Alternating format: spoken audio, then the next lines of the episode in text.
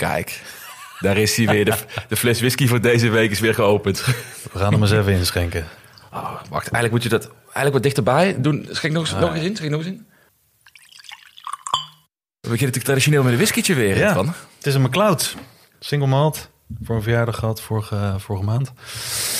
Van mijn schoonfamilie. Dus die eh Kijk, ja, het is altijd goed om van je familie drank te krijgen. nou, dat is wel een goede, goede, ik wil zeggen, goede schoonfamilie als ze weten welke whisky je graag Ik wilt heb hebben. Ook, altijd mijn voorraadje wel op, eh, zo aan het eind van het jaar. ja, nou, je bent maar één keer jarig, dat valt tegen. Ja, daarom. Niet snel drinken, ik heb nog een jaar te gaan. Nee, eh, precies, precies. Nou, dan zijn we, we zijn er weer bijna einde van het jaar. De laatste aflevering ook voor jou in de Mr. Don, hè? Voordat Ja. we de overstap maken, de, onze transfer. Zin in. naar Leuk. De lange termijn. Lange termijn. 2 januari. Ik heb er nog niet over gesproken trouwens in vorige afleveringen. Dus we kunnen misschien kort introduceren wat we mee van plan zijn.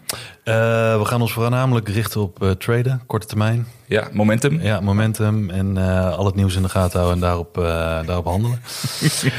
nee, uh, gekkigheid. Maar nee, inderdaad, lange termijn. We, de, de, de naam duurde even wat langer dan dat we het idee hadden om de podcast gezamenlijk door te zetten. Maar ja, de lange termijn. Ik denk dat we allebei voor de lange termijn beleggen. Ik denk trouwens sowieso dat heel veel mensen voor de lange termijn denken te beleggen, maar dat, eh, dat het niet altijd even uitkomt. Zeker dit jaar lijkt het zo eh, niet daarop. Maar eh, de lange termijn, website, Bijna klaar. bijna klaar. Podcast, ideeën, hartstikke leuk. Ik heb er zin in. Ik moet zeggen, we hebben langer over die naam nagedacht... dan ik sommige, sommige tijd genomen heb om bepaalde aandelen te analyseren. Dus Ja. dat betekent dat de naam moet echt goed zijn. Ja, Of het is... dat eh, is mooi. Dan heb je een mooie naam en dan is de inhoud helemaal niks. Ja, nee, precies. Dat is met al die analyses. Hè. Ben je een half uur bezig, of een half uur, een halve dag bezig om een aandeel te analyseren. En eh, twee dagen later sta je min 50. Nou, dat. eh niet de eigen ervaring natuurlijk. maar eh, Don't follow us. nee. Nou, waar gaan we het vandaag allemaal over hebben? Wij gaan het vandaag natuurlijk even hebben over wat er deze week is gebeurd. Eh, onder andere de rentebesluiten van de ECB en de Fed. Altijd leuk, alsof je naar een Netflix-serie zit te kijken. Ja. Even een spannend deuntje onderzetten eigenlijk. Ja, dat. Eh, en ehm, we gaan eindelijk, ja, want die hadden we volgens mij drie podcasts geleden, of eigenlijk misschien de eerste zelfs al op, het, eh, op de agenda staan. Volgens mij hebben we het iedere aflevering ook hierover gehad. Ja. We gaan het straks hebben over. Volgens mij heeft het zelfs al een keer in de titel gestaan. Wat is onze grootste mislukking eh, op de beurs geweest? Of eh, waar we het meest spijt van Ja. in de afgelopen jaren met beleggen? Dus misschien samenvattend alles. ja, misschien het hele portfolio wilde ik al noemen, maar dat, laten we dat vooral niet benoemen. Nee. En jij gaat wat zeggen over ehm, de... Want dat zag ik in een tweet van jou voorbij komen van de week. Over dat de content wat veranderd is op, eh, op Twitter. Komt het wat veranderd is op Twitter? Nee, in de zin van dat, eh, dat je nu veel meer mensen ziet die eh, fundamentele analyse Ja, normaal gesproken ja, maakten. En op basis van fundament aan het beleggen waren. En nu wat meer Ja, nou, ik, ik ben ook benieuwd of jij dat zo meteen ook eh, hebt ervaren of niet. Maar ik zie dus echt veel meer mensen nu die een tweeten zijn over eh, dit is momentum, we zijn de, de 50 gemiddelde, eh, de 50 dagen gemiddelde zijn voorbij, dus dat betekent dit. Ja. En het, zelfs degene die altijd heel fundamenteel dingen deelden, fundamentele analyses, zijn nu bezig over korte termijn momentum trends. En dat, dat, dat viel mij op. Dus dat, eh, Ja. daar wil ik wel over hebben. Of over hebben, ben ik ook benieuwd hoe jij het ziet eigenlijk. Ik doe het zelf ook nu ineens. Dat klopt, het maar ook inderdaad. Ja. Alleen maar grafieken. Ja, nou, normaal gesproken kunnen we kijken naar uh, TraderTed. Een van mijn favoriete accounts op Twitter die met, daarmee bezig is. Dus shout-out naar uh, TraderTed. Ja. Maar uh, hij krijgt concurrentie, zo te merken, op Twitter. Ja, zo van eh, kijk naar hem hoe je het wel moet doen en kijk naar mij hoe je het niet moet doen. ja, die kan ik ook maar beter aan allebei de kanten hebben. Eh, en we hebben verder nog eh, luistervragen. Toch weer vier. ja, leuk. Ja. Ja, en, leuke diverse geloof ik. Ja, diverse hele vragen. verschillende. Ja. We hebben Duke Nukem. Topnaam. Ja, ja, wie kent het niet? Wie kent- Vroeger, vroeger gespeeld ja, ook? Zeker, Ja, ja, zeker. ja. Helemaal plat gespeeld. Ik kan dat deuntje nog, eh, nog bijna dromen. Hail Eh, to the king, baby. de podcast maken over Duke Nukem. Ja. Eh, die vraagt, ehm, welke hulpmiddelen gebruiken jullie om een goedkoop moment te bepalen? Bijvoorbeeld ratio grafieken. Nou, dan hebben we het een beetje over eh ja, halftreden. Eh, de Disruptivator hebben we weer. Ja, de, de Die heeft, ook altijd, name. ja, die heeft altijd leuke vragen. Die reageert ook eh, leuk op eh, Twitter op veel dingen.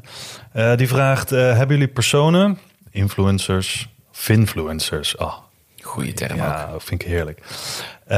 Of analisten, YouTube-kanalen, podcasten die jullie zelf volgen of gevolgd hebben. En hebben jullie daar tips voor? En zo ja, wat vind je inhoudelijk goed hieraan? En dan hebben we Mila. Ja, ook weer zo'n vrouw. Ook Ja, ja. steeds meer vrouwelijke volgers trouwens. Leuk. Mijn, eh, mijn vriendin zou er ook blij mee zijn, denk ik. Ehm, hebben jullie eigenlijk zelf een soort van streefrendement voor jullie portfolio's per jaar of voor de komende jaren? Ik weet zelf echt niet waar ik op moet en kan rekenen. Ja, heel interessant, dat hebben we zeker. En Roy vraagt: eh, als jullie nog maar drie beleggingen zouden mogen houden voor de komende tien jaar, welke zouden dat dan zijn? Ja, ja, ja. Cash. Nee. Eh en goud. Maar we vieren dus echt leuk wel, eh, ja, dus verschillende vragen Ja. eigenlijk deze week. Daar gaan we het zo meteen over hebben. Ja. En nog de korte analyses, waar we waarschijnlijk weer veel te weinig tijd voor hebben, zoals gewoonlijk. Want eh, Daarom is het ook een hele korte. Ja, nee, ik heb eh, dit, deze week eh, een, eh, weer een ETF. Het is best een kleine. De Rise Digital Payments Economy ETF. Met de afkorting PMNT. ja, ja. Vorig jaar gelanceerd. Ehm, en heel interessant, want die, eh, die gaat voornamelijk, maar dat gaan we natuurlijk straks even bespreken. Die gaat voornamelijk over eh, de bedrijven die eh, zich bezighouden met de hele infrastructuur, over met payments en creditcardmaatschappijen, dat soort dingen. ja interessante. Ja. Ja.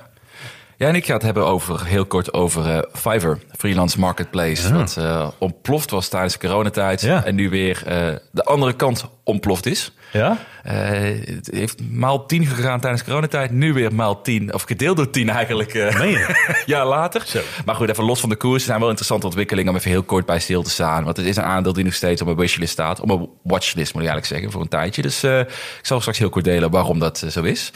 Maar voordat we echt kunnen starten met echt de inhoud. Dit is eh, geen financieel advies.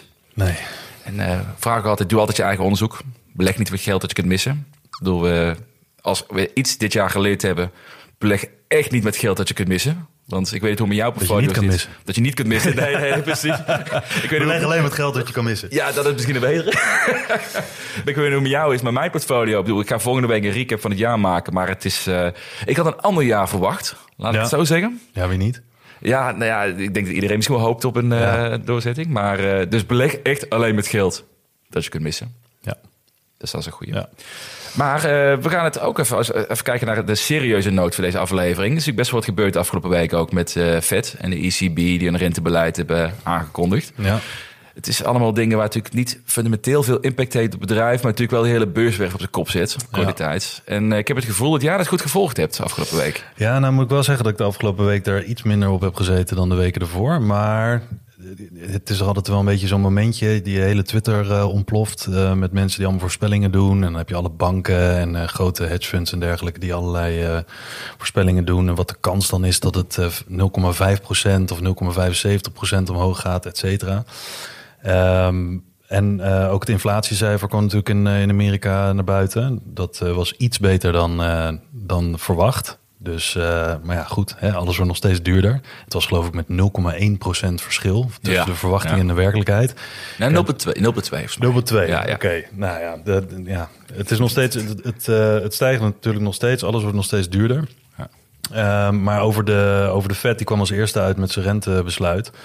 En dat was, ze hadden de keuze, tenminste, dat was de, de, de voorspelling een beetje. Of ze nou 0,5% of net zoals de vorige keren 0,75%. Ja. Waarmee het eh, natuurlijk in de wereld eh, steeds duurder wordt om geld te lenen. Waarmee ze dus de, de vraag wat willen, willen laten afnemen. Want als je veel kan lenen tegen weinig eh, rente, dan, hè, dan pomp je meer in de economie. Zij zijn naar buiten gekomen met 0,5 procent. Ehm, dan zou je denken, nou dat is positief, want dan wordt het geld, het wordt nog steeds duurder. Eh, Het, gaat, het geld wordt niet eens, eh, niet eens eh, goedkoper. De rente gaat niet naar beneden, maar het wordt gewoon minder snel en minder heftig verhoogd. Ehm, maar het was vooral, de- de- volgens mij waren het vooral de woorden die eraan hingen van, eh, van Jerome Powell. Die beleggers toch wel wat zenuwachtig maakten. En niet alle beleggers, want er zijn er een hoop die, hè, die geven al een beetje het beeld van... joh, ze gaan ermee door totdat, eh, totdat ze hun doel bereikt hebben. En dat hebben ze ook weer aangegeven. 2% inflatie is ons, eh, ons target. Ja. Hoe krijg je dat naar beneden? Nou ja, door de rente te verhogen en te zorgen dat dus ook de vraag afneemt en dus ook de goederen minder snel eh, duur zullen worden. Inflatie neemt dan af.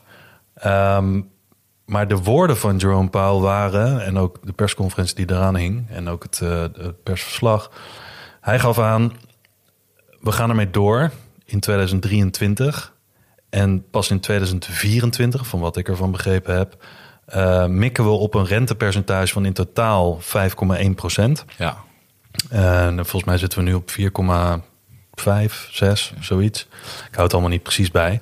Maar goed, sentiment was in ieder geval dat mensen die hoopten op een pivot, dus dat ze nu toch wel echt zouden stoppen met die renteverhogingen, uh, of in ieder geval indicatie zouden geven met stoppen. Uh, dat dat waarschijnlijk niet aan de hand is. En dat ze gewoon in 2023 ook nog gewoon doorgaan met, uh, met die verhogingen. Dus dat betekent nog meer pijn. Het is eigenlijk veel agressiever dan de markt had verwacht, nog steeds. Ook al hebben ze al een paar keer wel benoemd dat ze agressief zouden ja, blijven. Precies. Maar ja. Er gaan natuurlijk altijd weer twee verhalen er rond. Van Jos, kunnen dit niet zo ver door laten gaan. We hebben het de vorige keer ook al over gehad. Ja. Ze kunnen niet zo ver door laten gaan. En uh, ze gaan wel ingrijpen en dat, dat komt wel goed. Dus op het moment dat ze dan zeggen van we pauzeren of we gaan de rente weer verlagen. Dan krijg je een enorme vloedgolf. Tenminste, dat is de verwachting die de markt induikt, die, die vloedgolf. Dus enorm veel liquiditeit. Maar ja, er zijn toch heel veel mensen die op dit moment ook wel denken, die, in dat kamp zaten. Die zeiden van ja, oké, als, het, als de woorden die ze uitspreken echt waarheid gaan worden, dan wordt het volgend jaar niet heel veel makkelijker. Dus dan gaan we nog meer pijn zien. En toen kwam de ECB, die kwam uh, uh, volgens mij een dag daarna. Ja. Ook met het besluit dat ze 0,5% omhoog gaan. ECB loopt natuurlijk wel wat achter op de Fed. De Fed is wat agressiever geweest. Sommige mensen zeggen dat de ECB een beetje heeft lopen slapen en dat ze dat nu aan het inhalen zijn. We zitten ook met een iets lastiger pakket in Europa, waarbij hè, Amerika heeft alleen Amerika. Ja, exact. Wij hebben uh, natuurlijk heel veel landen die verschillende schuldhoeveelheden uh, uh, hebben. En de rente wordt niet alleen hoger op leningen, maar ook op overheidsschulden en ja, dat soort dingen. Dus Ja. niet alleen persoonlijke leningen en dergelijke. Dus uh, daar zitten ze in een lastig pakket. Want uh, er zijn landen zoals Nederland die kunnen dat goed dragen. Alleen uh, landen zoals Italië kunnen dat niet goed dragen. Ja, dan kom je in problemen. Je wil de euro toch in stand houden en de, en, de Unie toch in stand houden in die zin. En dan krijg je lekker weer die oude discussies dat het, het, het noorden van Europa moet het zuiden gaan redden met zijn financiële middelen en steun en Ja. dat soort zaken. Ja, willen we natuurlijk ook weer niet. Dus dat Nee. is een lastige, ja. Nou, Ja. Maar ik ben dus wel benieuwd, dat viel mij dus op toen de, de- het bericht was net naar buiten gekomen dat ze 0,5% gingen stijgen. Meteen ging de Nasdaq geloof ik ook 3,5, 4% Ja. omhoog. Ik heb de hele week best wel weinig gevolgd, want ik, eh, ik, ik probeer nu even wel even afstand te nemen dat ik geen zorgen maak over wat er allemaal speelt. Er speelt het gaat zo snel nu de laatste, de laatste weken. Maar ik zag het dus omhoog gaan, 3,5, 4%. Ik dacht, nou mooi, ik krijg eens een keer een, eh, een, een fijne dag vandaag. En einde dag kijk ik nog een keer. En volgens mij was de Nasdaq eh min 1% of zo, Ja. min een half procent. Mijn Ja. hele portfolio was er in elkaar getukkeld. Dat was... eh, Ja, het was, het, was, het was best wel bizar om te zien. Want ook individuele namen. Als je, ik heb zo'n zo'n lijstje van een paar namen, vooral technamen en zo, die toch best wel heftig bewegen op dit soort nieuws. En eh, ik weet niet meer welke het was, maar je kon het bij heel veel zien dat ze de 8% stegen. En dan vervolgens vanaf de top binnen een dag weer 14% eh, eh, het, putje ingingen. Mij het Coinbase is zo'n 18% eh, range, zeg Ja. maar, voor die dag. Ja, Ja, nou ja, goed. Bedoel, je zou kunnen zeggen dat is voor een, voor een trader natuurlijk hartstikke interessant. Maar voor iemand die gewoon, hè, zoals wij, onze, onze koopjes doen, om het zo maar te zeggen. En dat voor de lange termijn aan willen houden. Ja, minder interessant. Het is leuk om te volgen, Ja. maar het is entertainment niet, meer, meer niet. Tenminste voor mij dan. Ik denk voor jou ook. Maar het is wel interessant om, om nog steeds te zien dat er zo enorm veel hangt aan de woorden van, eh, van in dit geval twee centrale bankiers. En iemand verwoordde het eh, gisteren ook wel heel goed. Die zei: Je kan eigenlijk alles een beetje links laten liggen en niet meer naar kijken. Het is gewoon: the name of the game is liquidity. ja, ja. Ik bedoel, is er minder geld beschikbaar of is er meer geld beschikbaar? Is er meer geld beschikbaar? Nou, dan gaat er ook een deel van naar de, naar de markt. Is er minder geld beschikbaar, dan zal dat ontrokken worden. En dan zullen dus ook mensen onzeker worden. En eh, grote, grote instituties ook onzeker worden. Ja, dan gaan ze geld aan de markt onttrekken. Ja. En eh, inmiddels staan heel veel mensen. Ik zag ook een verslag van. Wat was nou? JP Morgan volgens mij. Die zei dat gemiddeld in Amerika eh, hun klanten. Eh, en andere klanten, volgens mij van andere grote banken. die stonden op iets van min 40% rendement. Nou, ik doe wel eens wat van die polletjes op Twitter. En ik zie bij anderen ook van die, eh, van die surveys voorbij komen. Toch is het gemiddeld, ja, heb ik het idee dat mensen, nou ja, in een ETF sta je misschien op eh, min 8 of min 10 procent eh, ver- eh, eh, jaarresultaat tot nu toe. En anderen die wat risicovoller bezig zijn, die staan dan op min 20, min 30. Oh, dat klinkt perfect. Ja, nee, ja, voor jou. ja. Ja, goed. Nee, maar ook mensen die dus inderdaad gewoon heel gespreid beleggen. Ja. En dan denk ik, hoe kom je aan die min 40 procent? Maar dat schijnen dus ook heel veel pensioenfondsen en dergelijke staan, staan echt flink onder water. Dan denk ik, oké, ja, ik, ik, ik weet niet precies hoe, wat er dan allemaal speelt en waar ze dan in beleggen en waar dat dan voornamelijk aan hangt. Maar ik denk dat het puur is ook omdat normaal gesproken in een jaar had je heel veel nou ja, grote fondsen bijvoorbeeld, die zijn dan belegd in zo'n nog steeds zo'n 60-40 split, weet je wel, het 60% aandelen, 40% obligaties. Die hebben allebei enorme klappen gehad. Eh, normaal gesproken had je in veel jaren had je dat die een beetje elkaar in balans hielden. Daarom had je een 60-40 verdeling. Eh, Als het met de aandelen wat slechter ging, ging het met de obligaties wat beter. Nu ging het allebei slecht, dus dan pak je aan allebei de kanten pak je het verlies. Ik denk dat daarom best wel wat resultaten echt super negatief uitvallen dit jaar. Ehm, maar over het algemeen, de mensen die nou ja, eh, bij ons op Twitter zitten, die, eh, die, die staan of flink op verlies, maar maken zich kennelijk geen zorgen. Ja, ja. maar is dat, te- is dat terecht? Of denk je dat Ja. dan een kwestie is van de laatste jaren ging het vaak zo snel weer goed... dat we nog steeds hopen tot één dag gaat er opeens helemaal omdraaien? Nou, vind ik een heel goed punt, want ik denk dat de grootste pijn, heb ik ook wel eens geschreven volgens mij en ook wel eens genoemd in de podcast. Ik denk, de grootste pijn is niet hoe ver het daalt en hoe snel het daalt, maar het is meer hoe lang het duurt. Ja, ja. Want hoe lang kan je pijn verdragen? Want je bent continu ben je aan het hopen van oké, volgend jaar. Want we krijgen natuurlijk straks ook weer. Ik hoorde het jou ook zeggen. ehm, in je vorige podcast volgens mij van ja, en dat zo kijken zelf ook naar. Op 1 januari begint je portfolio weer op 0%. Want iedereen kijkt, of veel mensen kijken naar het jaarlijks rendement. Zo wordt het ook vaak in de media gebracht. Zo gaan heel veel mensen hun podcast trackers en zo ook eh, instellen. Dan begin je op 0%. Maar dat betekent dus ook dat je een soort van nieuwe hoop hebt. Nieuw jaar. Precies. Goede ja. voornemens. Goede voornemens natuurlijk. Al ja. dat soort dingen. Ja. Dus dan heb je een soort reset voor jezelf. Maar het kan best zijn. De, de beurs eh, denkt gewoon: ah, oké, in januari top. Ik heb geen kater, want die heb ik al het hele jaar al. Yep. Ehm, maar dat is dus een beetje de vraag: van zijn we. Hè, zijn mensen die flink op verlies staan, zijn die aan het hopen op iets beters, omdat er nu zo'n soort van eh, clean slate begint in het, in het nieuwe jaar en omdat er toch wat dingen aan het veranderen zijn? Of gaan we gewoon vrolijk verder op de, op de voet waar we heel 2022 al op zaten? En dat zijn ook wel de dingen. Ik kijk er niet al te veel naar, want ik vind het al een beetje doom en gloom. Maar er zijn natuurlijk ook weer heel veel vergelijkingen die nu ineens op Twitter en andere media naar boven komen met een grafiekje van 2008 en een grafiekje van nu. En als je dat naast elkaar legt of bovenop elkaar legt, dan zie je dat we nog maar halverwege zijn. En dan zeggen ze: moet je je voorstellen dat het nu nog hetzelfde daalt als dat het al is gedaald, of zelfs nog erger daalt in het komende jaar. Ja, maar ja, dat, dat zijn altijd van dat soort... eh, ik, ik, weet precies de grafiekjes waar je over hebt. Maar je- tijd geleden over gehad. Je kunt ook de grafiekjes zoeken die de hele andere kant van het verhaal weer bevestigen eigenlijk. Van nou, we zitten eigenlijk op de bodem. Want kijk, deze 16 metrics die aangeven hoe dicht we bij de bodem zijn... kan bijna alleen maar beter gaan komend jaar. Ik moet wel zeggen, toen ik net... ehm, ik zat er dus gisteren over na te denken... Hoe, hoe- over die vraag die ik net stelde ook. Van willen mensen nu, hopen mensen nu gewoon dat volgend jaar beter gaat? Of, of hoe zit het nou? Ik heb oprecht, ik denk ik nu de eerste keer heb in dit jaar... dat ik echt denk van, nou heb ik nog wel zin om volgende maand zeg maar, nieuw geld erin te stoppen. Ja? Ja, dat is de eerste keer. Dus dat is, dat is eigenlijk een goed signaal. Is Ja. dat normaal gesproken? hè? Zoals je, je kent me een beetje... En, eh, als ik mijn salaris krijg, geld krijg binnen een week... zit het waarschijnlijk weer op aan nieuwe, eh, Ja. nieuwe Coinbase, whatever ik allemaal koop dan ook. Want dan, dan word ik een beetje greedy van, wil ik inzetten. Nu is de eerste keer dat ik denk van, ja, is het wel...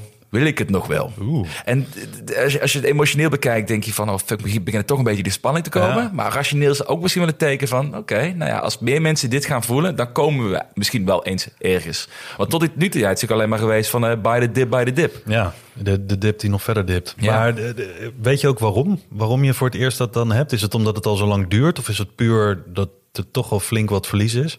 Nou, ik, ja, ik denk, en dit, de periode inderdaad, want het is heel 2021, eh, 2022 is het eh, gewoon slecht geweest. En nu is ook nog een keer het dieptepunt van het jaar, na de afgelopen week. Dus ik sta nu het laagste van Oh het ja? hele jaar. Het is voor mij nu min 71% of zo. Dat, eh, Zo. dat is best een, best een bedragje. Ja. Maar het vorige hoogtepunt tussen haakjes, het dieptepunt was iets van min 65% Dus het is nog een keer lager dan dat gegaan.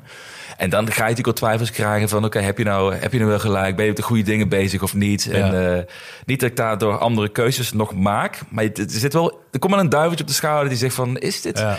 Het is ook een mooie uitspraak van Einstein, geloof ik. Van een, eh, een idioot is degene die twee keer hetzelfde doet... en een andere eh, eindresultaat verwacht. Zo voelt het een beetje als je geld blijft pompen in Coinbase Ja. en zo'n dingen. En het gaat wel lager. Ja. Snap je wat ik bedoel? Ja, ik snap wat je bedoelt. Ik denk wel dat er ook natuurlijk een soort van perspectief aan te geven is dat heel veel mensen dat nu met hun portfolio hebben. En zeker mensen die in, in dingen beleggen zoals waar jij puur in belegt. Hè. Eh, innovatieve eh, aandelen, exponentiële eh, technologie, nieuwe technologie en dergelijke. Ja, ja. Dingen die vaak in het voorstadium zitten van, eh, van de massa. Ehm, ik zie dat ook wel veel voorbij komen bij mensen die, die nu echt wel, die zeggen niet van ja, ik gooi de handdoek in de ring, want ik geloof het nog wel, maar ik begin wel een beetje te twijfelen. En niet twijfel genoeg om iets om te gooien, maar wel twijfel genoeg dat ik steeds meer denk, ja, wat als ik nu de enige schreeuwende gek in de kamer ben en ik hoor alleen mezelf. Ja, En, en, het ja. nie- en iedereen om me heen, die zit, die zit nog te, ja, laat maar, die gasten hebben wel honderd keer gehoord en eh, het zal allemaal wel, maar eh, ik kies eigen voor mijn geld en ik ben blij met mijn ETF en het is prima. Ja, het voelde een beetje als die discussie over of het de, de wat was het nou, een zilver of een blauwe jurk was. Heb je die, die ooit meegekregen? Er is een afbeelding, er was een tijdje, volgens mij ging het op Instagram ging het rond, was een, een, een foto van een jurk. En afhankelijk hoe jij bent ingesteld qua ogen waarover het Ja. werkte. Sommigen zagen daar een blauwe jurk in en anderen zagen daar een zilveren jurk in. Oh, zo. Maar iedereen had zijn eigen perspectief en was niet echt een werkelijkheid. Ik denk een beetje tussenin eh, Ja. schijnbaar, weet je, gezichtsbedrog. Ehm, ik heb nu een beetje het gevoel dat, dat je degene bent in het, in het klaslokaal, zeg maar, waarvan eh, 30 mensen zeggen, ja, dat is een blauwe jurk. En ik ben de enige die zegt, nee, dat is een zilveren jurk, waar hebben jullie het over? En dan na tijd, na, dat kan je een halfjaartje volhouden, maar daarna denk je bij jezelf, ben ik nou zo gek? Ja, precies. En, en het meest lastige vind ik dan, bijvoorbeeld zo'n ehm zo'n zo'n Canoe bijvoorbeeld. Hè, die hadden afgelopen week, hadden zij bij de Second Future in een, eh, een YouTube-serie van een van de meest bekende car engineers van Amerika. Die gast die krijgt miljoenen betaald voor grote automerken om echt de techniek achter auto's eh, te checken, te verbeteren. En die, die schrijft echt epistels van 2000 pagina's hoe Ford een eh, model beter kan maken. Oh ja? Dat is echt een autoriteit. En die was echt razend enthousiast over Canoe, over de technologie. Die zei van, dit, dit wordt een big winner, geen twijfel over mogelijk. En het leger moet het hebben, iedereen moet het hebben. Dus een hele grote endorsement, Zo. er is dit. Maar dan ga je een week later, ga, dan denk je, oké, dit is wat verwacht. Techniek zit fantastisch in elkaar. En dan ga je weken later kijken naar de koers. Hij is toch wel min 30 gegaan die, die, die week. En ik weet dat het allemaal korte termijn dingetjes zijn. Maar na een tijdje denk je van, heeft niemand dan die video gezien? Ik weet niemand, ziet niemand wat ik zie? Ja. Dat, is, eh, dat begint nu een beetje de fase te komen, merk ik. Dat lijkt me heel frustrerend. Ik heb dat de enige keer dat ik dat echt heb gehad, dat ik zo overtuigd ergens van was, waarvan ik in een bear market, want daar zitten we natuurlijk in, dat al het goede nieuws, wat normaal gesproken in een boom market een, een koers direct beweegt omhoog, dat al het goede nieuws nu een beetje weggefilterd wordt door het algemeen sentiment. En dat het alsnog daalt. Ja. En dat mensen toch eigenlijk een beetje in dit soort aandelen, wat het nieuws ook is, hoe goed het ook is, van welke autoriteit het ook komt, dat ze denken, ja, het zal allemaal wel. Maar het, het daalt alleen maar. Ik kies eigen voor mijn geld en ik ga iets, in iets veiligers zitten of in iets waar weet ik veel, meer positief nieuws over komt. Of ze gaan allemaal vergelijkingen maken en daar een, eh, een ding op baseren. Maar ik heb de enige keer dat ik dat heb gehad was met Bitcoin in eh, volgens mij 2018. Waarin ook echt mensen om me heen zeiden van... joh, je bent gek en het daalt alleen maar. En, en toen zei ik, ja, maar dit komt eruit. Dat is beter dan twee jaar geleden, et cetera. Nou ja, dat is ook verhalen die je aan jezelf vertelt. En uiteindelijk kwam het ook goed. En ook geen idee of het nu überhaupt nog de komende tijd goed komt. Maar ik geloof er wel in. Maar af en toe, ik herken dat wel. Ja. Dat je Ja. dan denkt van, hoe kan dit, hoe kan dit nieuws... Dit is echt super groot nieuws. Hoe kan dit nou niet eh, de markt in beweging zetten? En eh, hetzelfde geldt, nou ja, wat ik zei met Bitcoin, er komen nu ook allemaal dingen naar boven. Eh, dat grote banken hele afdelingen hebben opgestart en dergelijke. Waarom gaan die daarin investeren? Ja. Als het echt zo is, hè, want als het puur een nieuwsbericht is om een beetje de, de, de mensen te piepelen en, ze, en intern zeggen ze allemaal van haha leuk, we zijn helemaal niet zo'n afdeling gestart. Dat kan, je hebt geen idee wat er allemaal van waar is. Maar als al dat soort dingen en die grote jongens daar allemaal in investeren en daar allemaal positief over praten, of in ieder geval kijken wat ze doen en niet naar wat ze zeggen. Ja, dan denk ik van, ja, dan is het gewoon een kwestie van marktsentiment. Dan Ja, is het gewoon echt een kwestie van marktsentiment. En daar kan je natuurlijk enorm je voordeel uit halen. Want als, je, als jouw geloof en je overtuiging en je onderzoek en dergelijke kloppen... en je bent de enige in de kamer die die jurk een andere kleur ziet dan de rest van de kamer... Ja. Ja, dan, dan ben je degene die uiteindelijk het, het grootste voordeel heeft. Ja, ik, ik hoop een beetje op dat scenario uiteindelijk. Maar we gaan over twee, drie jaar zien of dat zo is. Maar ik denk inderdaad wat je, wat je zegt, wat je klopt. Dus marktsentiment is, houdt Ja. nu alles naar beneden. Ja. Dus dat, eh, maar we gaan zien wat daarmee gaat gebeuren. Maar het is nu denk ik wel de tijd gekomen om te kijken naar eh, de grote vraag... waar we al eh, zes weken op aan het, eh, aan het uitstellen zijn. Ja. Om die vraag te moeten beantwoorden. De meeste spijt Wat hebben wij? Waar hebben we de meeste spijt van met beleggen? Of onze grootste fout werd ook gevraagd. Zo, Heb je dat? Ik heb er echt veel. Ja? Ja. Ja, we zeiden al kort houden, want anders Ja, eh, worden de hardlooprondjes weer... eh, Nee, ik, zal, ik, zal er, ik, ik heb er eentje. Dat, eh, het is niet een spijt op, op de beurs. Maar wel, het heeft met crypto te maken. Maar je kan het voor elk aandeel natuurlijk als je het, als je het naampje vervangt. Ehm, dit, dit gaat meer over, over psychologie. Mijn grootste spijt met, ehm, nou, met geld, met, met, met crypto in dit geval. 2017 was natuurlijk die hele ICO-hype. Iedereen smeet zijn geld erin. En ik heb op een gegeven moment heb ik, eh, toen ik helemaal overmand was door emotie en ik dacht dit is echt het nieuwe ding, heb ik in een paar ICO's wat geld ingelegd. En een daarvan die was Icon. Ehm, daarna ook nooit meer naar gekeken. Eh, traumaatje van overgehouden. Maar in ieder geval, ik had tijdens de ICO was elke token was eh 10 cent. Mhm. Ehm, ik heb 1000 euro erin gestopt. Dus uiteindelijk had ik 10.000 tokens. Dat werd het nieuwe project, bla bla bla. Kwam uit Zuid-Korea. Allemaal, allemaal helemaal prima. Leuk verhaal, mooie marketing. 1000 euro erin gestopt. Nog voordat het op een beurs kwam, kwamen er allerlei berichten en onderzoeken naar, naar boven. Oké, dit moet minimaal een euro of een, eh, een dollar waard zijn. Eh, dus dan zou ik het al maal 10 hebben. Toen het op een gegeven moment twee weken later op een beurs, cryptobeurs verhandelbaar werd, stond het al op 1,50. Dus ik had even in twee weken mijn geld, mijn 1000 euro, 15 keer, Zo, ja. Eh, had 15 keer gedaan. Dus ik had 15.000 euro, eh, gulden. Nou ja, laten we zeggen euro. Ehm, en die weken daarna, dat was aan het eind van 2017, toen nam natuurlijk alles een spurt omhoog. Toen ging het maar door. 2,50, 3 euro, 5 euro. En elk normaal sane persoon zou natuurlijk denken: ho, effe, ik heb 1000 euro erin gestopt. Ik heb op dit moment 30.000 euro. Wie, wie gaat er nou niet uitcashen? Ja, ik. Niet uitgecashed. Ik dacht van, ah man, dit wordt echt mooi. En ik ga kijken tot hoever dit kan. Het is echt het nieuwe goud, et cetera. Toch een beetje greedy dan, denk ik, hè? Mega. Ja, helemaal verblind. Ja. Weet je waar uiteindelijk... Want ik had er 1000 euro ingestopt. Het was eh, ineens 50.000 gewa- eh, waard geworden. Op de top. Weet je hoeveel het waard was? Go- Gok is? Meer, meer of minder dan 75k? Meer. Meer dan 75, Ja. hè? 100.000. Oef. Ik had van 1000 euro Ja. 100.000 euro gemaakt. In Nou ja, welke periode was dat? Hoe lang? Drie maanden. Jezus. Niet normaal. Nou, en ik denk dat dat zo'n enorm... Ja, hoe zeg je dat? Het- Zo'n zo'n zo'n buiten je enorme, buiten je eigen realiteit. Ik had nog nooit zoiets meegemaakt. Ik denk dat hetgene wat ik tot dan toe had meegemaakt was zeven keer. Gewoon op de beurs. Met een overname. Ja, aandelen die ineens werden gekocht. Ehm, maar ik had dit nog nooit meegemaakt. Dus dat letterlijk had het honderd keer gedaan. En wat doe je dan? Dan verkoop je. Cash je die de 100.000 euro? Ja. Nee, gewoon niet doen. Kan er naar 1 miljoen Kan natuurlijk. er een miljoen, kan er een huis van kopen. Man, ik was, ik was rijk in mijn hoofd. Toen stortte het in elkaar, begin 2018. Die hele ellende van, van crypto stortte in elkaar. En toen bleef het hangen op 50.000. En daarna ging het weer omhoog, want het kan altijd nog een klein bounce. Ja, klein. Het ging naar 80.000. En ieder normaal persoon denkt dan, en mensen die daar ervaring mee hebben, die denken van oké, dit is de laatste eh, mogelijkheid om een exit te maken. Dus doe dat dan maar. ik weer niet. Ik heb het hele zootje naar beneden gereden. En uiteindelijk was ik zo overmand door nou ja, ellende. En dat ik dacht van, ook echt een gemiste kans. Ik heb op 15.000 verkocht. Oké. Maar, dit is dus het grappige. Als 15, dus 1,50 euro...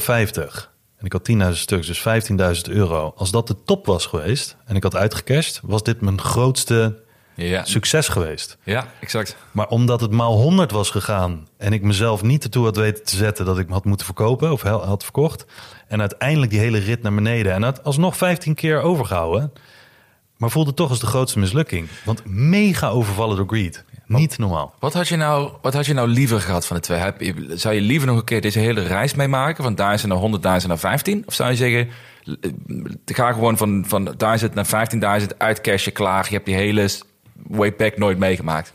Nou ja, dat is altijd het lastige. Wanneer cash je uit? Wanneer, wanneer verkoop je? Nou, het, is, het is meer zeg maar van, zou je die, die, die stap van die, die terugval, hè, die, die 100.000 wat je hebt gehad naar 50.000, zou je die ervaring, zou je die wel willen hebben gehad? Of had je het liever niet gehad? Wel. Ja, toch? Zeker. Ja, ja, ja. Nee, uiteindelijk is de ervaring, ik bedoel ook omdat ik er niks meer aan kan doen.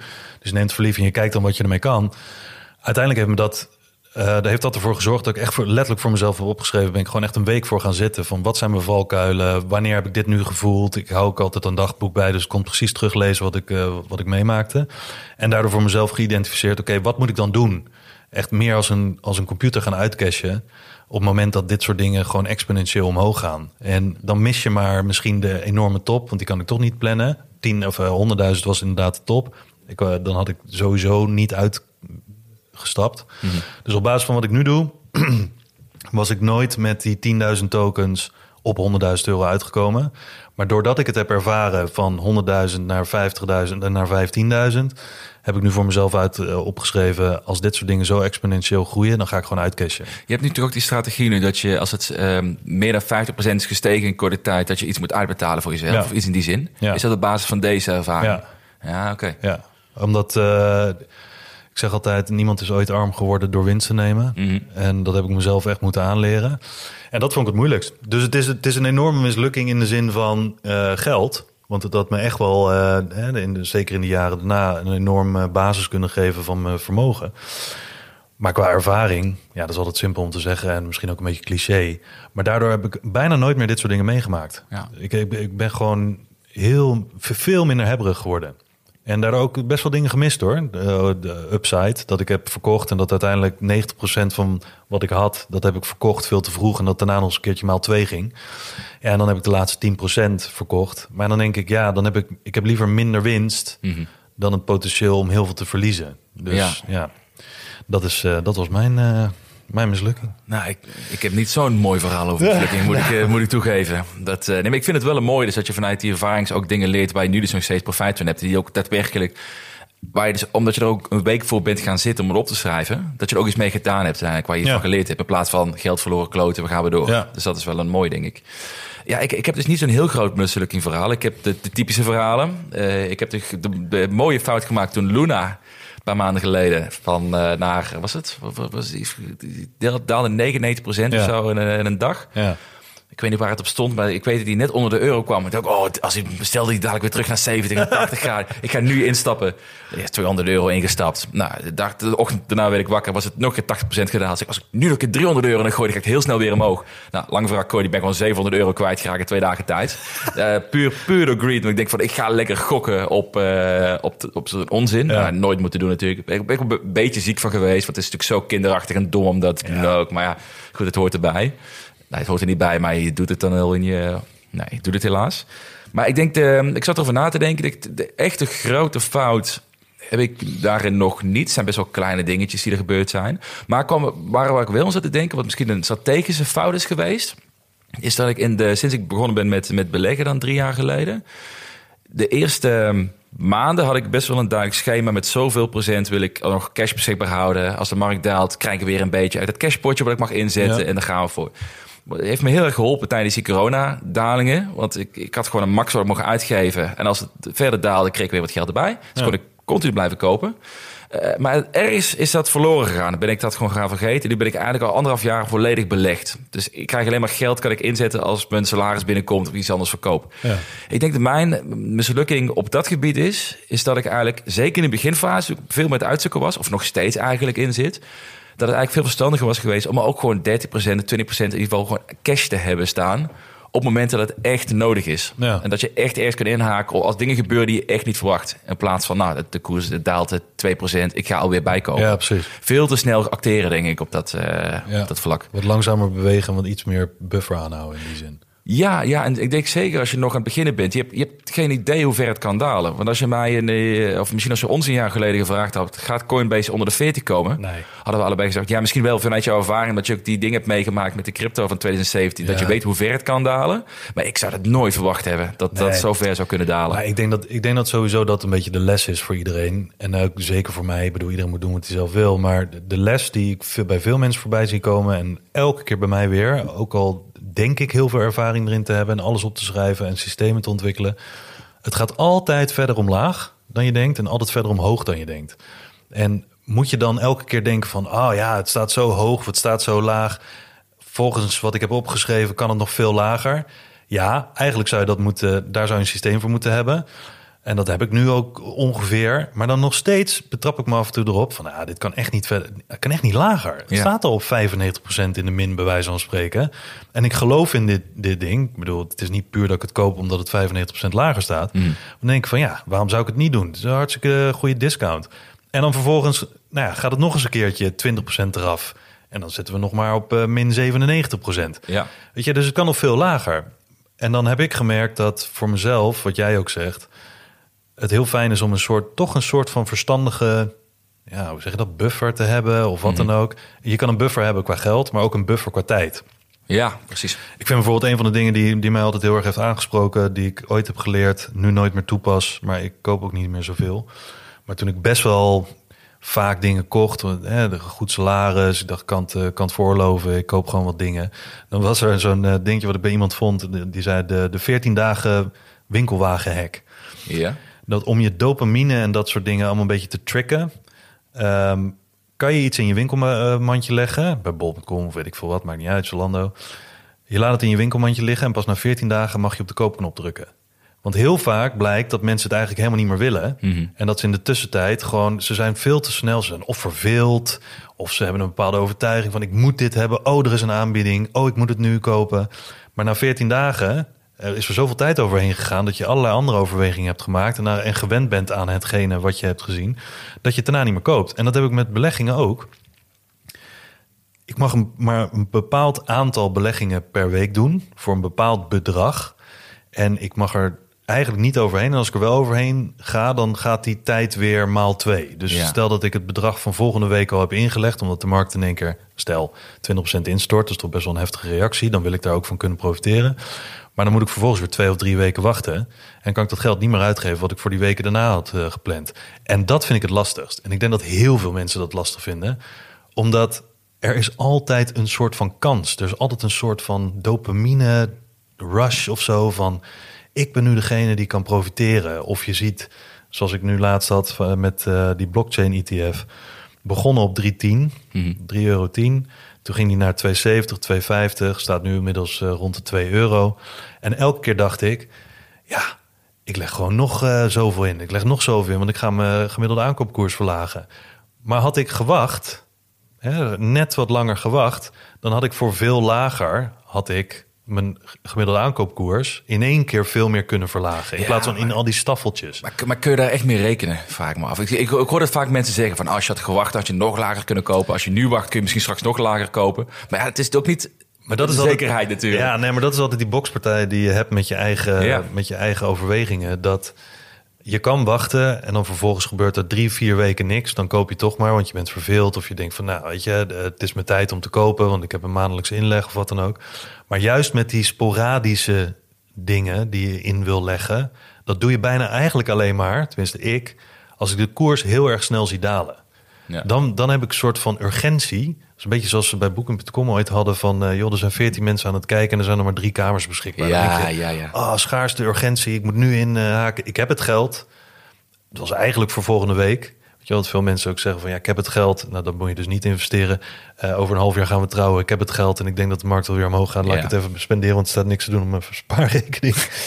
Heb je het uit te leggen thuis als, het, eh, als die trouwerij opeens Fantastisch, ja. alleen maar noedels geserveerd wordt in plaats van een goede bruidskaart. Frikandellen in plaats van eh kreeft. Ja, nee, maar dat is lastig. Dus, eh, maar een extra buffertje aanhouden is qua tijd en qua geld altijd denk ik goed idee. Misschien is het ook een conclusie wat je net zegt, misschien ook van dat als je de tijd wil pakken om zeg maar, af te wachten tot hij nog lager gaat, dat je tegelijkertijd ook moet kunnen accepteren als je dan een kans mist. Ja. Als je dan bijvoorbeeld de week daarna Ja. op 4 dollar weer staat, moet je ook Ja. kunnen accepteren, oké, gemist, ik ga weer door naar de volgende dingen. Mooi invalsbruggetje. Je hebt het erover, hoe kun je nou een beetje plannen van wanneer nou het koopmoment is. Mhm. Technische analyses. Het staat er vol van inmiddels. Ja, nee, daar Het, moet je mij eh, niet voor hebben. Nee, ik heb, ik heb echt de meest basis dingen die ik heb waar ik, ik handel, nou hoe zeg ik dat, ik handel er niet echt op en ik ben geen handelaar, maar waar we het de vorige keer ook over hadden, er zijn gewoon iets verstandigere momenten en iets onverstandigere momenten om in te stappen. Als je wat extra wil bijleggen, hè? want 80% wat ik doe is nog steeds eh, maandelijks inleg.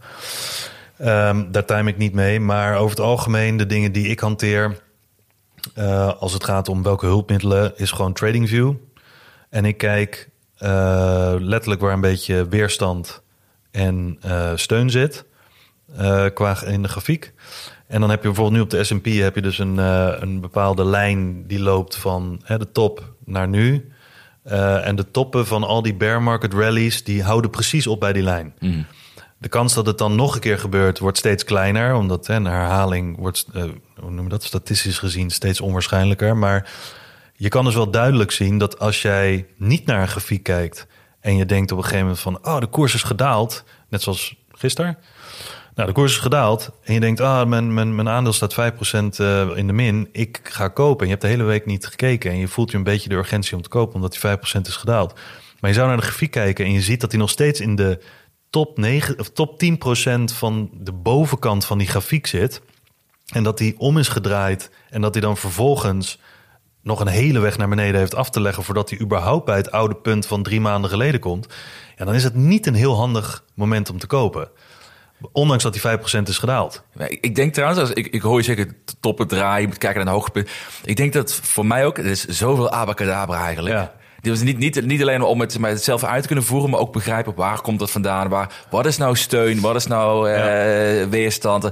En hoe werkt dat in hemelsnaam daarin? Alleen wat mij dus opviel erin, is dat het, het, lijkt alsof we een beetje geswitcht zijn de laatste hmm. weken misschien meer. Van oké, we gaan echt kijken naar de bedrijven. En meer oké, we gaan nu kijken hoe de koersen in beweging zijn. Zou dat, zou dat komen, denk je, omdat de markt veel volatieler is? Omdat mensen geen vertrouwen meer hebben in de fundamentele analyses? Want alles gaat naar beneden, hoe goed je onderzoek ook doet ook. Hoe, wat denk je wat vandaan komt? Nou ja, ik denk dat de mensen die echt natuurlijk dingen op fundamentele analyse baseren... bedoel, je kan er een paar noemen. Eh, Warren Buffett is een, uh, is een goed voorbeeld ervan. Die, ja, die, die zegt investeren in bedrijven, niet in, in een aandeel. Uh, ik denk dat heel veel mensen nu gewoon puur naar de prijs van een aandeel kijken. En ik denk ook omdat heel veel mensen pijn ervaren, waar we het vorige keer ook over hadden, dat hele korte termijn dingen die een soort van beeld geven waar je controle over denkt te kunnen krijgen, zoals een grafiek. Mm En als iemand jou vertelt van joh, hier moet je echt niet inleggen en daar kan je beter inleggen en dus en zo zal er gebeuren met moving averages, noem het maar op. Ik denk dat heel veel mensen daar heel erg vatbaar voor zijn nu, omdat ze op zoek zijn naar een oplossing. Ze zijn op zoek naar een soort houvast. Klopt. En iets wat je kan zien en dan uitgelegd wordt als logisch. Mm denk ik dat heel veel mensen zoiets hebben van, nou heb ik in ieder geval dat. Ja, heel verleidelijk denk ik, om daar eens aan vast te kunnen klampen. Ja, ja, Want, want dat fundamentele analyse, die, ik denk dat heel weinig mensen dat trouwens maar doen. Mhm. En uh, iedereen moet er ook in groeien. Als je beginnend belegger bent, dan groei je daar ook in. Je maakt fouten en je gaat op een gegeven moment weer terug naar de basis. Maar ik denk dat omdat er zoveel van dat soort dingen gedeeld worden, je kan ze ook allemaal letterlijk onder elkaar leggen. En dan kan je zeggen van nou, van de tien die ik nu heb gezien, zeggen er acht dit. Dus dan zal dat wel de grootste kans hebben van, van, van slagen. En ik zie op die grafiek allemaal dezelfde punten staan. Zoals ik er ook eentje heb getekend. En die zie ik ook bij iedereen terugkomen. Um, en dan geeft het een soort van houvast. Ja. Van oh, ja, nou dat is wel een validatie dat ik in ieder geval de goede beslissing heb gemaakt. Of de validatie dat ik even heb gewacht. Of dat ik straks een beslissing ga nemen of wat dan ook. Ja, en dan zakt het er vervolgens doorheen. En heb je weer een nieuw verhaal. Heb je een, weer een nieuw verhaal. Ja. Trek je weer een nieuw lijntje. Ik bedoel, er zijn natuurlijk mensen die echt goede dingen doen. Hè? Ja. Volgens mij Trader Ted, die, die is er veel beter in. Je hebt er nog een paar, JDB, eh, noem ze maar op. Maar dit, ik denk dat het ook, het is ook een soort van kunst, denk ik. Ja. Je kan er niet alles mee, maar je kan het als tool gebruiken. En ik denk dat het een kwestie is van het heel vaak doen, voordat je een soort van idee hebt, oké, nu kan ik het 50% beter inschatten, niet 100%, maar 50% beter inschatten dan dat ik er niet naar zou kijken. Ja. Um, en misschien is dat fundamentele analyse wel iets waar heel veel meer mensen wat aan zouden hebben. Maar dan moet je dus ook, wat je net ook zei, wel op je netvlies hebben dat dat ook het gevolg kan hebben dat je vervolgens nog even naar dalende koersen kijkt. Maar dan, dan ben je toch blij? Dan, dan, dan is je fundamentele analyse, dit gaat over de komende tien jaar, gaat dat die kant op. Ik kan het nu goedkoper kopen. De enige manier om nu helemaal nat te gaan, is als alles wat ik dacht en zei en heb onderzocht, niet waar blijkt te zijn. Maar ja, dat is het risico wat je neemt. Dat is de tijd die je erin stopt. Toch? Ja, ben ik het met je eens. Ik denk dat houvast klopt. Ik, ben, ik heb wel een beetje een engeltje en een duiveltje hierover, moet ik zeggen. Enerzijds, mm. enerzijds dingen van mensen zoeken een beetje houvast om te onderbouwen, om een keuze te maken. Omdat de korte termijn misschien tegenvalt, de koers uh, waar ze, ja. uh, dat de koersen gewoon dalen, wat ze niet hadden verwacht. Anderzijds, uh, als ik dus bijvoorbeeld kijk naar bijvoorbeeld zo'n bepaalde analyses op Twitter. En je gaat het een beetje volgen en meekrijgen. Je ziet wel dat af en toe ook gewoon klopt. Ik weet niet of het een self-fulfilling prophecy is, dat meer mensen dan naar kijken dat daarom is. En ik snap ook wel dat het kan denk ik een heel toe, hele interessante toevoeging zijn. Of wat, is, wat een koopmoment bepalen is denk ik super lastig. Mm um, maar het is ook gewoon, het is een hulpmiddel, denk ik, van de zoveel uit je Het is puur een hulpmiddel. Ja, ja, ja. dat denk ik ook. Ik denk dat we nog wat, uh, naar wat luistervragen kunnen gaan ook, hè? Want uh, we hebben nog een, uh, niet al te lang meer, maar we gaan het, gaan het gewoon fixen dit keer. Ja. Oh, ik. We moeten beginnen bij de Duke. Duke Nukem. Nou, eigenlijk hebben we dit al een beetje besproken nu. Hè? Welke hulpmiddelen gebruiken jullie Ja. om een goed koopmoment te bepalen? Bijvoorbeeld ratiografieken. Nou, Nou, daar net een beetje over gehad. technische analyses, eh, jij gebruikt. Wat zijn welke- weerstandsteun, Ja, eh, RSI. Om te kijken of, je, of het oversold, is Oversold, of ja. overbought. Nogmaals, ik bedoel, het helpt me misschien bij 10% van, eh, van mijn beslissingen. Maar het heeft me ook wel eens gered van, van best wel rare dingen... waarvan ik dopamine-wise dacht... ja. yes, instappen, dit is de kans. En dat ik dan aan de grafiek zag van, nou oké, misschien even niet. Ja, ja. Ja, ik moet zeggen, ik denk dat jij er inderdaad actief mee bezig bent. Ik blijf er nog een beetje vandaan. Ik vind het wel leuk om mee te spelen en te kijken wat er klopt. Maar ik gebruik het zelf, gebruik ik eigenlijk geen hulpmiddelen, behalve gewoon de, de eigen onderzoeken die ik doe, de, de, de, de kwartaalverslagen, Ben je de lange termijn beter af, denk ik. fundamentele analyses. Nou, we gaan het zien over twee, drie jaar. hè. Ja, ja. Ik heb wat in te halen om beter af te zijn, denk ik. Dus ja, eigenlijk, eh Duke, hebben we je vraag eigenlijk al hopelijk gaandeweg beantwoord in de afgelopen tien minuten. Ehm Disruptivator. Oh, dat vind ik ook een leuk. Ja. Hebben jullie dus personen, influencers, analisten, YouTube-kanalen, podcasts die jullie volgen? Of tips hebben daarvoor? Wat vinden we goed eraan? Heb je die? Heb jij idolen die je volgt? Nee. Nee, ik heb niet echt idolen, maar... En het, ik moet ook zeggen, bij mij wisselt het de hele tijd. Ik, ik verwijder... Ik gebruik heel... Echt gewoon voor 90% van wat ik doe, gebruik ik eh, Twitter. Ja. En mensen die dan bepaalde dingen posten waar ik ook van denk van... oké, daar zit wat onderzoek achter, dan volg ik ze. En dan krijg je natuurlijk een hele hoop dingen in je tijdlijn. En dan eh, vervolgens denk ik... eh, vaak denk ik eh, na verloop van tijd... oké, dit dient niet meer, hier ben ik niet echt naar op zoek. Dan ontvolg ik ze weer of ik maak lijstjes aan of wat dan ook. Maar Twitter dus vooral... Ja, ik zou niet specifiek mensen weten te noemen. Ja, eentje wel trouwens. Bob Lucas. Ja. Ik weet niet of je die kent. Eh, vind ik een hele Goud en zilver, toch? Heel veel? Of niet? Nee, hij doet van alles. Eh, ehm, hij zit er ook echt al, eh, weet ik veel, tientallen jaren in. Maar hij doet ook YouTube-video's. En hij heeft ook zo'n subscription model en weet ik veel wat. volgens mij dat de financialtab.com, zoiets. Waarin hij dus op basis van grafieken een soort cycle theory heeft. En hij heeft heel vaak best wel gelijk. Maar dat komt ook... Hij is heel nuchter. En hij bekijkt het eigenlijk, zoals ik het ook graag zou bekijken, in waarschijnlijkheden. Hij zegt niet, oh, het gaat die kant op. Ja. Hij zegt, je hebt gewoon twee scenario's. En je, zolang je denkt dat die twee scenario's kunnen gaan afspelen, kun je daar een plan voor maken. Wat, ge- wat gebeurt er? Wat doe ik als dit gebeurt? En wat doe ik als dat gebeurt? Dus eh, focus je niet op één scenario. Ik vind dat een hele goeie. Die Bob Lucas, dat, eh, ik volg hem heel graag. Hij is heel nuchter, hij is heel bescheiden. Geen moonshot dingen en weet ik veel wat. En eh, op Twitter kan je hem volgen en eh, dan zie je vanzelf. ehm, hij doet crypto, eh, edelmetalen, maar er is ook veel op de S&P en de Nasdaq en, en dat soort dingen gefocust. Ook de dollar. Mhm.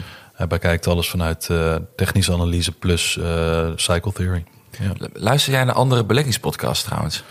Nee, weinig. Ja, ik ook niet. Weinig. Ja, ik luister wel naar een paar in, uit Amerika, maar dat zijn niet echt beleggingspodcasts. Dat zijn meer ja, van die macro eh, Mhm. podcasts om een beetje toch een soort achtergrond te hebben van wat speelt er in de wereld en waar kijken andere mensen naar die ook echt letterlijk in die hedge funds zitten en dergelijke. Dus dan hebben ze veel interviews met je wel, hedge fund managers en dat soort dingen. En dat is niet om, om een beslissing te maken voor wat ik zelf doe, maar meer gewoon ja, educatief. Gewoon van hoe zit dat wereldje in elkaar, waar hebben ze het over. Welke podcasts zijn dat?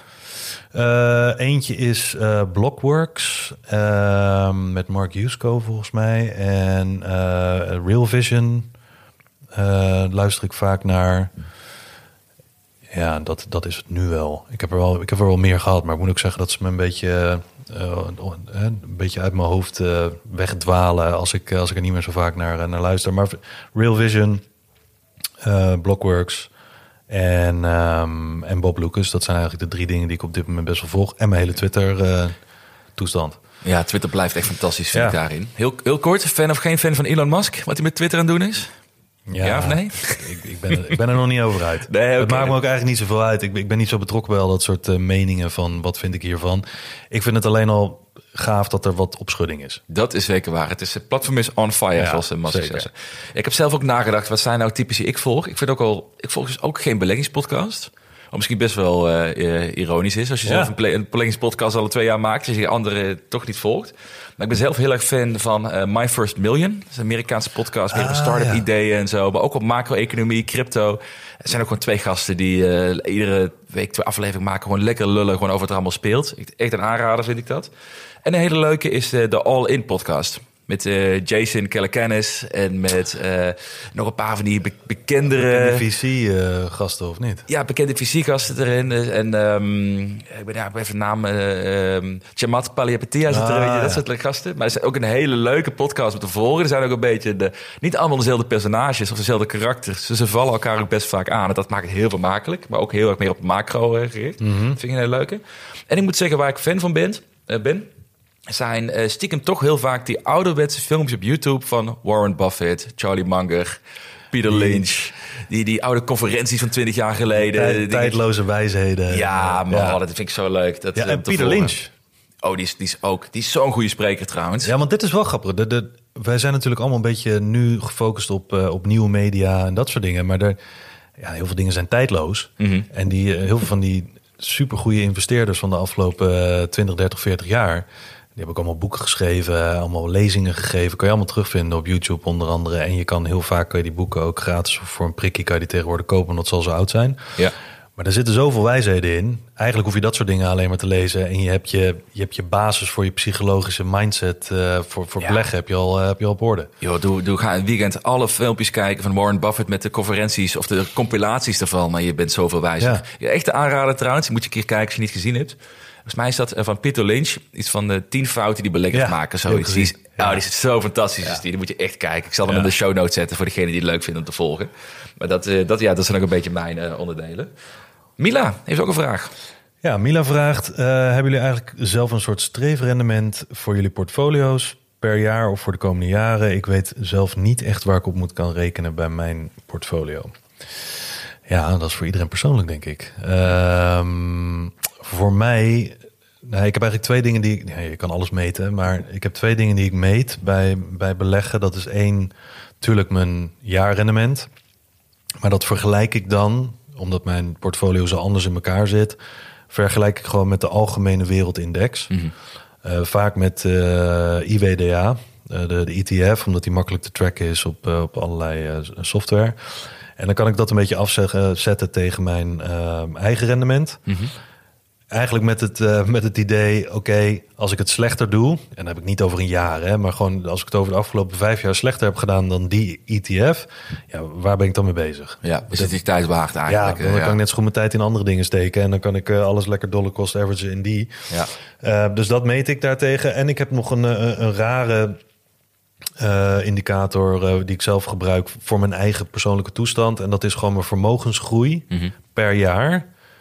Maar dan wel de gemiddelde vermogensgroei per jaar over de afgelopen vijf jaar. Mm -hmm. Dus een soort rolling, uh, hoe noem je dat? Een rollende indicator. Uh, afgezet tegen mijn kosten. Oké. Okay. Uh, want voor mij is het belangrijk dat als mijn vermogen in de toekomst toe gaat nemen, dat ik dus dat ook in relatie tot mijn, hè, dus mijn, mijn rendement op mijn beleggingen en mijn inkomen en alles wat erbij komt aan de inkomstenkant, mm -hmm. afgezet wordt tegen alles wat eruit gaat. En als ik meer uitgeef dan wat er binnenkomt, kan ik nog zo goed beleggen. En ik kan 30% eh, rendement hebben. Maar als mijn kosten 40% per jaar stijgen, ja, dan heb ik daar niet zoveel aan. Dat is een grote kans voor de meeste mensen. Hè? Niet meer verdienen, maar minder uitgeven. Nou, dat. dat ja. ja. of in ieder geval het verschil uh, in die groter uh, krijgen. En zolang mijn vermogen harder groeit dan mijn jaarlijkse kosten, dan zit ik op een, op een goed niveau. Dat, dat zijn eigenlijk de twee dingen die ik gebruik. En daar hoort bij vermogensgroei hoort natuurlijk gewoon rendement. En ook inkomen. Maar heb je daar geen bepaald percentage hoofd waar je dan graag boven wil zitten? Jawel, eh, ik, ik, ik heb er ook een artikel over geschreven. Dat noem ik escape velocity. Op het moment mhm. dat je loskomt van de zwaartekracht van de aarde en het minder moeite kost. Spannend. Heel spannend. uh, kan je op mijn blog vinden. Hartstikke leuk. Um, nee, de, de, ratio 1. Dus uh, stel dat ik uh, dat mijn vermogen met 50.000 groeit um, op, op, een jaar. En ik geef 50.000 euro uit. Dan heb ik dus een ratio van 1. En het moet meer, meer zijn dan één. Dus als mijn vermogen 1 euro per jaar groeit, dan is dat die mhm. ratio is voorzien. Mm. Dus uh, en dat over de afgelopen vijf jaar. Want ik heb sommige jaren gehad dat het twee keer zo snel groeide. Omdat ik minder uitgaf of meer verdiende en meer rendement had. Maar in zo'n jaar als dit is het natuurlijk moeilijk. Dus over de afgelopen vijf jaar is het uh, ratio 1. Oké. Die twee dingen. Ik maak het eigenlijk veel makkelijker, denk ik. Tenminste, ik vind het heel logisch wat je zegt. En zeker als je kijkt naar... naar nee, niet, daar niet van. Maar Ik hou van dingen complex maken. Nee, ik vind het wel goed dat je juist kijkt naar, naar kosten in plaats van alleen maar wat je rendement maakt. Want onderaan de streep, het hou je over, is natuurlijk waar je naar kijkt. Nou, ik, ik zat te denken van, eh, gemiddeld genomen, volgens mij 6 of 7 procent rendement per jaar geloof ik, hè, over de afgelopen 20 jaar of zo, Ja. de S&P. Ik denk als je actief belegt, moet je zorgen dat je erboven komt. Ja. Dus je doelstelling moet daar, eh, laten we zeggen, minimaal 7, 8 procent zijn, anders heeft het helemaal geen zin.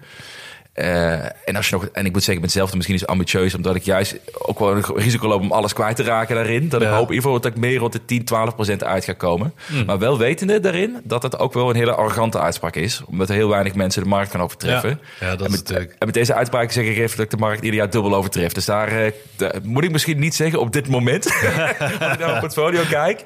Maar, ehm, maar laat, laat zo zeggen, dat zou wel het streven zijn met het type portfolio wat ik aanhoud. Dat moet eruit komen, anders is het allemaal voor niks geweest. Ja, Ik Dat een beetje het Ja. is. Ja. Dus dat, eh, ik ben goed op weg, zeg ik ook. Zeker. Ga lekker. Eh, en Roy hebben we nog. Laatste vraag. Eh, als jullie nog maar drie beleggingen zouden mogen houden voor de komende tien jaar, welke zouden dat dan zijn? Nou, dat is een hele makkelijke, denk ik. Of een hele snel, heel snel antwoord. Ja. Google. Dat heb ik een paar keer benoemd. Als ik in één zou moeten investeren, is Google. Coinbase Mhm. zou ik in zitten. En ik ga het toch maken. Canoe. Het is toch. Canoe. En dat is na afgelopen week, na die tech-bevestiging, denk ik van ja, fuck it. Dit is, dit, daar zit zoveel meer potentie achter de mensen zien. Dus ik, ik heb er even moeten nadenken, maar het is ook ja, Google, Coinbase en Canoe. Hmm. Ja? Ja, ik heb dus echt hele andere dingen. ja, je hebt ETF's natuurlijk, hè? Ja, joh, ja, dat, eh, dat- nee, nee, ik heb, het is, ik, ik heb dan voornamelijk, omdat ik dan drie verschillende dingen heb en niet in hetzelfde eh, vaarwater zit met elkaar. Als je er toch echt maar drie mag houden. eh, Bitcoin, Oh, ja. Ja, dat is een ehm, de eh, goud. Mhm. Ja? Ja. ja, want dat is een soort tegenhanger voor mij voor Bitcoin. Het is saai als een malle. Maar is dat zo? Nee, maar voor mij in mijn portfolio qua, qua demping. Mm. Want als je, als je ze tegenover elkaar zet eh, in bijvoorbeeld risicovolle jaren en eh, liquiditeit en zo die allemaal opdroogt. Ik bedoel, Bitcoin drijft op dit moment op liquiditeit. Trek je de liquiditeit eruit, dan trek je ook Bitcoin naar beneden. Ja, maar zie je aan de andere kant wel dat goud dan stijgt als bitcoin daalt? Voor mij is dat niet je zo. ziet dat goud dan niet daalt. ja, of heel weinig daalt. Net zoals dit jaar. eh, alles stort natuurlijk in. En goud doet het in, in termen van euro's. Omdat hè, dat is allemaal gelinkt aan, aan liquiditeit.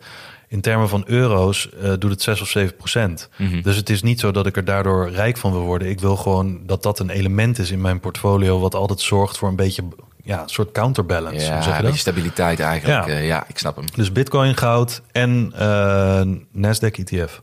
Ja, ja, ja. Dan heb, je, dan heb ik voor mij dan de technamen en dan hoef ik niet te weten wie het gaan winnen. En dan hoef ik ook niet het maximale rendement. ja. Ja, maar dan zou ik me daarop instellen. Het zou, ik zou het wel saai vinden worden trouwens, de komende tien jaar, als ik er maar drie zou mogen hebben. Wordt uh, lastig in een podcast maken, denk ik, met... Uh... Dat ook.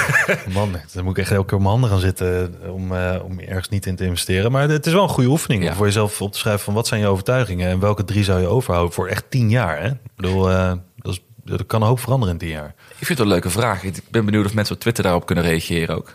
Van Ja. uh, wat, wat het is, die drie. Ik ben wel benieuwd wat eruit komt. Ja, daar ben ik ook wel benieuwd naar. Dus uh, misschien gaan we in de volgende aflevering een keer bij de lange termijn een keer over hebben. Wat, Ja, uh, lachen. wat de luisteraars. Had je er een goed idee over, hè, geloof ik, over portfolio bouwen? Ja. En dat doen we de volgende keer Doen we volgende bespreken. Dat, uh, dus, de luisteraars denken van eens na wat jouw drie keuzes zijn, want daar komen we bij op terug. En hebben we nog een bliksemronde. We zitten namelijk bijna al aan het uur voor deze aflevering. Het is, het is weer zover. Mensen moeten steeds langer het rondje lopen. We maken mensen fit, joh, dankzij deze podcast. Ook dat nog. wel armer, maar wel fitter. Armer en fitter. En zullen we heel snel uh, naar de, de keuzes voor deze week gaan? Ja, welke had jij? Ik, oh ja, ja, ik had uh, goeie. Ik ben helemaal van mijn apropos, dat jij meestal begint met die keuzes. maar uh, ik, had, uh, ik had Fiverr, had ik. En een freelancer platform. Wat, uh, wat ik zei, enorm gestegen was tijdens de coronatijd eigenlijk. Alleen, uh, het is drie keer qua omzet gestegen in de afgelopen twee jaar. Mm. De, de, waardering is weer hetzelfde als voor corona, omdat het weer helemaal in elkaar gestort is. Was maar 10 gegaan, nu weer een door 10. Dus nu met 1 miljard is het nu gewaardeerd. Drie keer, de, drie keer de sales is dat. Dus nog steeds geen goedkoop aandeel. Maar wat het mij dus aanspreekt in het hele verhaal. Is, we hadden het toevallig hiervoor net ook al over, toen we, voordat we deze podcast opnamen. Is dat er natuurlijk steeds meer mensen zijn die freelancer worden, die op afstand werken, die. die uh, en dan is Fiverr samen met WeWork zijn de twee grootste platformen by far waar je jezelf als freelancer op kan zetten. Ja. Voor creatief werk of wat dan ook. Ja. En ik denk dat die vraag alleen maar meer gaat worden, omdat mensen veel meer digital nomad worden, meer op plekken gaan werken.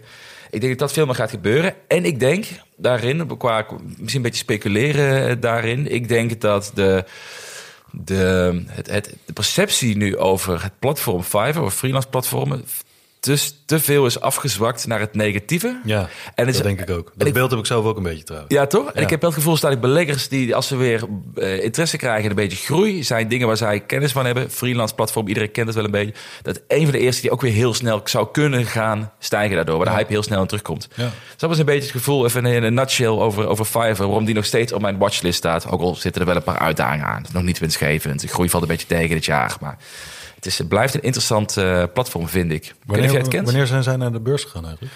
Niet zo heel lang geleden. Ik weet het niet aan mijn hoofd. Denk, drie, vier jaar geleden, denk ik. Niet zo heel lang geleden. Het is een, uh... Interesting. Ja. ja. nee, ik denk ook dat die hele gig economy... Uh, ja, of je het nou in dat hokje stopt, maar de, de, steeds meer opdrachten gebaseerd. En met remote work, ja, Super interessant als je dat van uh, elke plek in de wereld kan doen. En niet alleen zodat je dan naar andere plekken in de wereld moet. Ja. Maar dat je ook andere mensen uit andere delen van de wereld kan gebruiken via zo'n platform. Ja, het groeit steeds 50% per jaar. meer dan plant-based. Ik blijf terugkomen op plant-based als slecht voorbeeld. Dat wordt een beetje de benchmark voor... Ja, uh... ik, ik een beetje zuur over plant-based foods aandelen, denk ik. Maar, uh, maar je hebt ook eens moois. Je hebt een ETF. Ja, ETF. de Rise Digital Payments Economy. ETF, uh, PMNT. En eigenlijk is dat een ETF met 70 bedrijven die zich richten op of bezig zijn met uh, alle digital payments, de, de toekomst van, uh, van onze betalingen. Ja. Bestaande bedrijven, grote bedrijven zoals Visa, Mastercard, die zitten erin. Um, ik zag er eentje bij staan. Ik moest heel eerlijk zeggen dat ik hem niet kende totdat ik een bericht over Starlink zag die met hun wilde gaan samenwerken. Ja. Shift 4, mm -hmm. groot bedrijf daarin. Uh, maar ook Wise, wat eerst TransferWise was. Coinbase zit erin, Block zit erin. Dus al dat soort bedrijven die daarmee bezig zijn met de toekomst van, uh, van ons betaalnetwerk. Wat, en, wat zijn de top drie holdings? Of, of is het ja, de top drie holdings? Nou ja, ik ken, ik ken heel serieus de, de, alleen de nummer één van de top drie, dat is Wise. Mm -hmm. uh, dan heb je BTRS, geen idee wat het is, en Evo.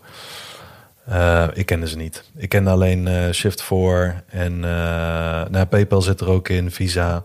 Dus de grote namen, de minder bekende namen, ik ken er een hoop niet. Ik ga, ik ga er even induiken, want ik vind het wel interessant. Want er staan een hele hoop... Normaal tijd met zo'n ETF zie je de top 10, allemaal bekende namen Ken je allemaal, exact. Dat maakt dit wel leuk. veel in het nieuws en zo. En, en nu, ja, nu toch wat minder. Dus er zitten er 70 in. Dus ik ga zo allemaal eens even kijken. Nou, niet allemaal natuurlijk. Ik bedoel, hallo, ik heb ook nog een leven.